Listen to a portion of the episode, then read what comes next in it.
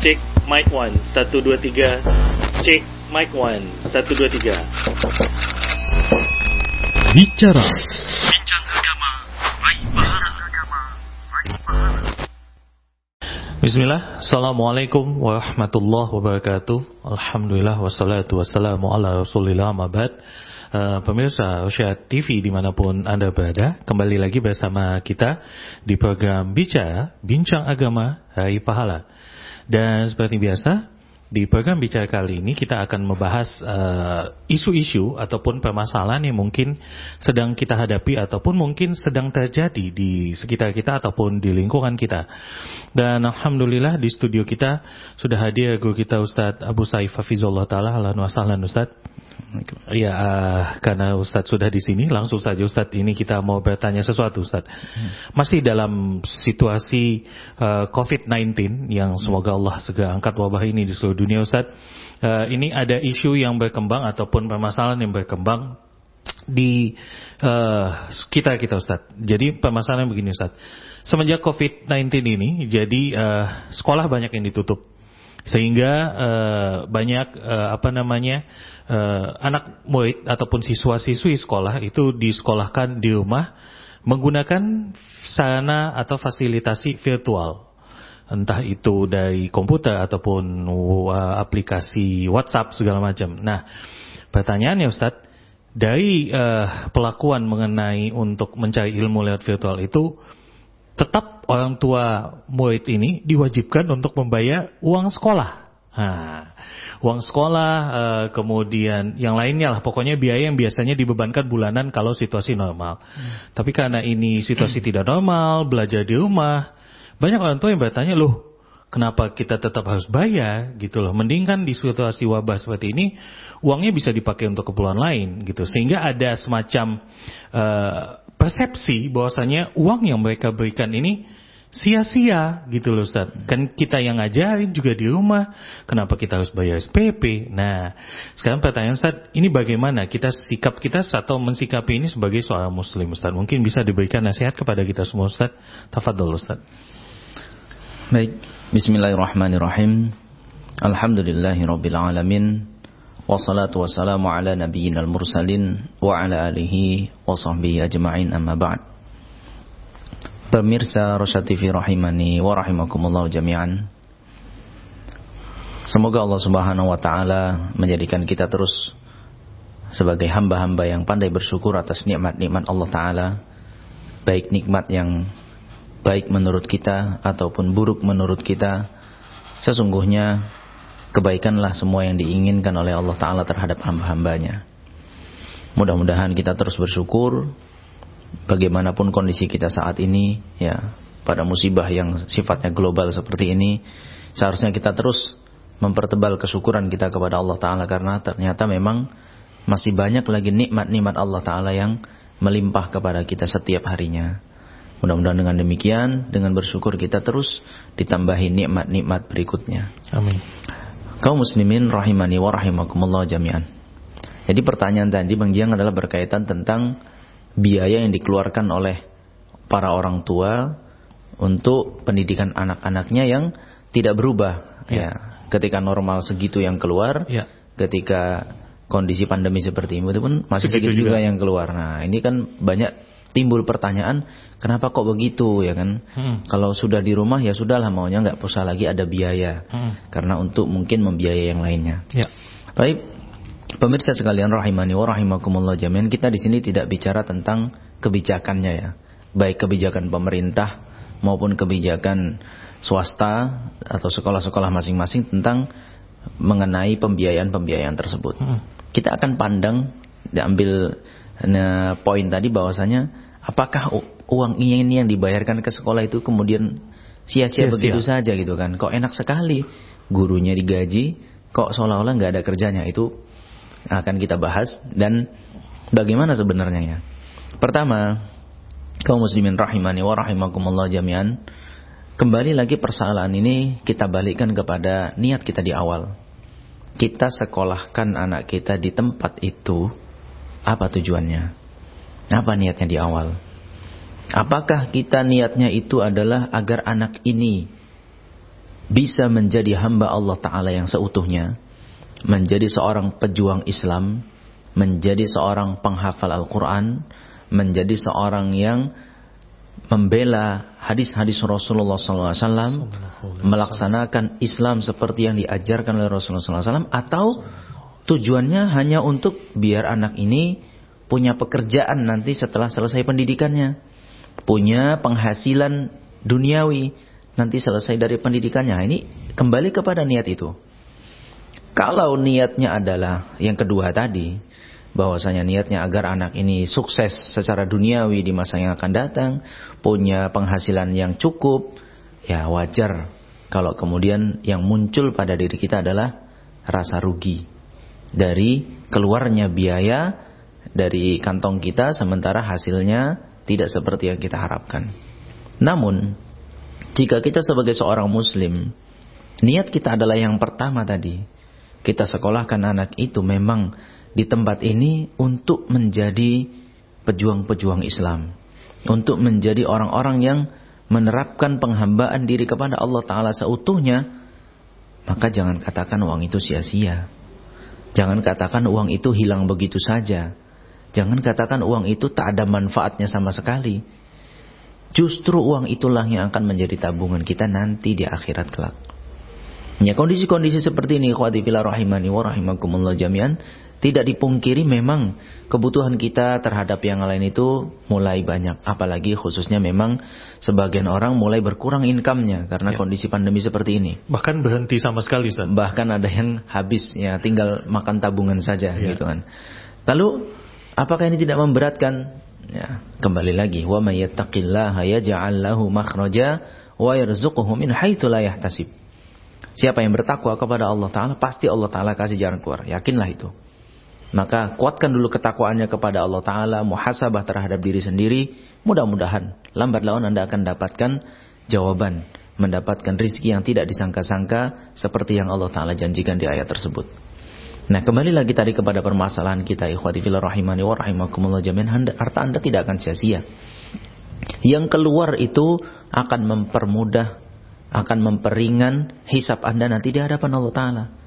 Sudah dikeluarkan sekian ratus ribu untuk pendidikan anak-anak. Bukankah wajib bagi kita sebagai orang tua untuk mengadakan pendidikan untuk anak-anak kita? Ya, kalau bicara masalah itu sebenarnya malah kewajiban mendidik itu sebenarnya kembali kepada orang tua.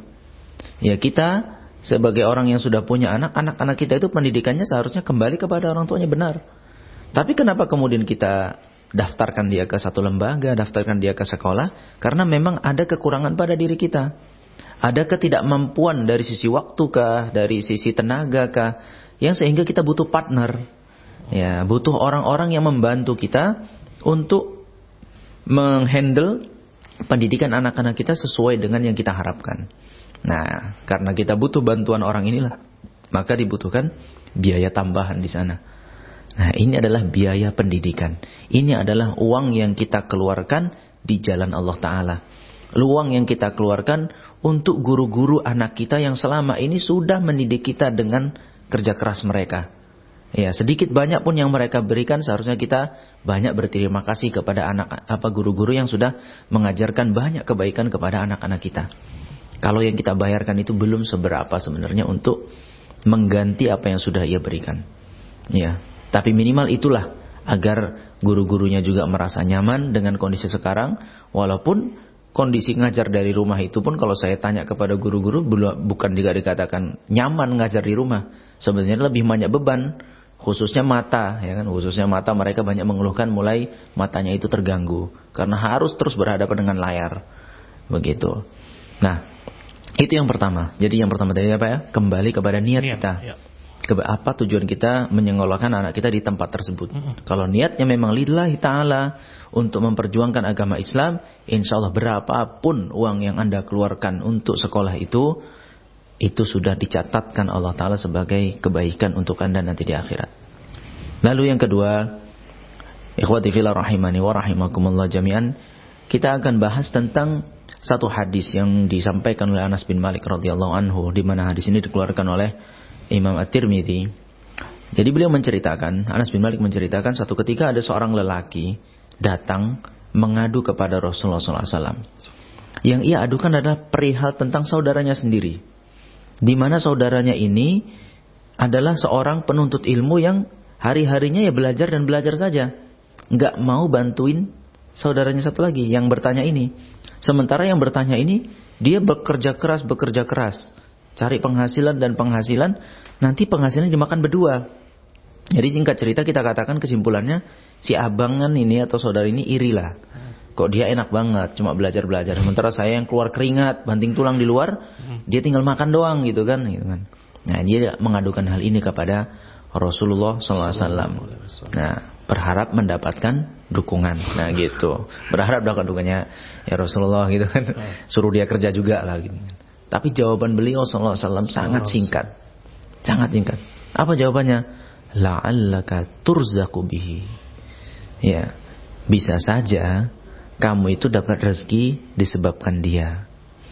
Disebabkan kamu menanggung kebutuhannya, ya, kebutuhan fisiknya, di mana dia gunakan setiap yang masuk ke mulutnya, setiap tenaga yang dihasilkan dari makanan tersebut adalah untuk jalan Allah Ta'ala, maka Allah mudahkan rezekinya kepadamu. Dan kamu pun dapat bonus makan untuk kamu sendiri. Jadi singkat jawaban Rasulullah SAW, tapi ini membuat satu gambaran kepada saudaranya agar jangan mengeluhkan dengan kondisi seperti itu. Jadi ketika seseorang menyisihkan hartanya atau bahkan menghabiskan hartanya untuk di jalan Allah Taala, jangan khawatir dengan hal itu. Ya, banyak di sana kita lihat contoh orang-orang ya yang menghabiskan hartanya di jalan Allah Taala, tapi Allah tak jadikan mereka orangnya miskin. Allah nggak jadikan mereka orang yang susah, Ya. Allah Ta'ala yang sudah berjanji, wa ma anfaqtum min syai'in fahuwa yukhlifuh. Apa pun yang kalian nafkahkan, sedikit pun yang kalian nafkahkan di jalan Allah Ta'ala, Allah Ta'ala yang akan ganti. Maka uang yang kita keluarkan, biaya yang kita keluarkan untuk memang anak-anak kita yang berjuang untuk mempelajari agama Allah Ta'ala walaupun kondisinya seperti sekarang, belajarnya daring, belajarnya dengan jarak jauh, tapi uang itu nggak akan sia-sia. Allah Ta'ala yang akan catatkan dan Allah Ta'ala yang berjanji akan mengganti uang itu. Bisa jadilah kalau kita katakan bisa jadi ternyata selama COVID ini, ya selama COVID ini dia tidak terimbas. Bisa jadi karena sebab anaknya yang belajar tentang agama. Selama COVID ini memang jatuh ekonominya, tapi tak seperti orang lain yang sampai sama sekali nggak ada penghasilan. Saya masih ada. Bisa jadi itu disebabkan oleh karena dia membiayai anak yang belajar tentang agama Allah Ta'ala. Nah begitu. Nah ini mindset yang harus pada kita sebagai seorang muslim. Jadi jangan buru-buru kemudian mengatakan bahwasanya uang itu tidak ada gunanya sama sekali habis begitu saja. Ya. Lalu yang ketiga juga kita lihat sabda Rasulullah SAW yang disahihkan oleh Imam Muslim. Beliau SAW bersabda, "Man dalla ala khairin falahu mithlu ajrihi." Siapa yang menunjukkan kepada kebaikan, siapa yang memudahkan orang lain untuk melaksanakan kebaikan, maka dia mendapatkan ganjaran yang semisal. Misalnya orang yang menuntut ilmu ini dapat ganjaran dalam sehari seratus, maka orang yang memfasilitasinya juga mendapatkan seratus. Sama itu. Ya, jadi ketika Anda terus membuat anak ini belajar ya memfasilitasi walaupun dengan tambahan dengan tambahan pulsa atau bahkan dengan beli HP baru atau beli laptop, laptop baru gitu kan untuk pembelajaran anak-anak ini agar lebih nyaman, insya Allah semua itu dihitung pahala oleh Allah Taala. Seberapapun mereka mendapatkan ilmunya, memahaminya, lalu mengamalkannya atau bahkan sampai mengajarkannya, maka segitu pula lah anda orang tua akan mendapatkan ganjaran dari setiap amalan yang dilakukan oleh anak-anak ini. Nah, Tiga anaknya, subhanallah, berarti lebih banyak lagi pahalanya. Ya kan? Tiga anaknya, satu SD, satu SMP, satu SMA. Berarti Anda mendapatkan tiga kali lipat. Nah, demikian ini yang harus kita fahami bersama kaum muslimin rahimani wa rahimakumullah jami'an. Maka dalam kondisi musibah seperti ini, jangan biasakan lisan yang banyak mengeluh terhadap ketetapan-ketetapan Allah Ta'ala. Maka hadapilah kondisi seperti ini dengan penuh kesabaran atau bahkan kepada level tingkat bersyukur Ternyata dari sekian banyak pun musibah yang ditimpakan kita tidak separah yang lainnya. Ya. Kita masih diberikan kemudahan ini dan itu.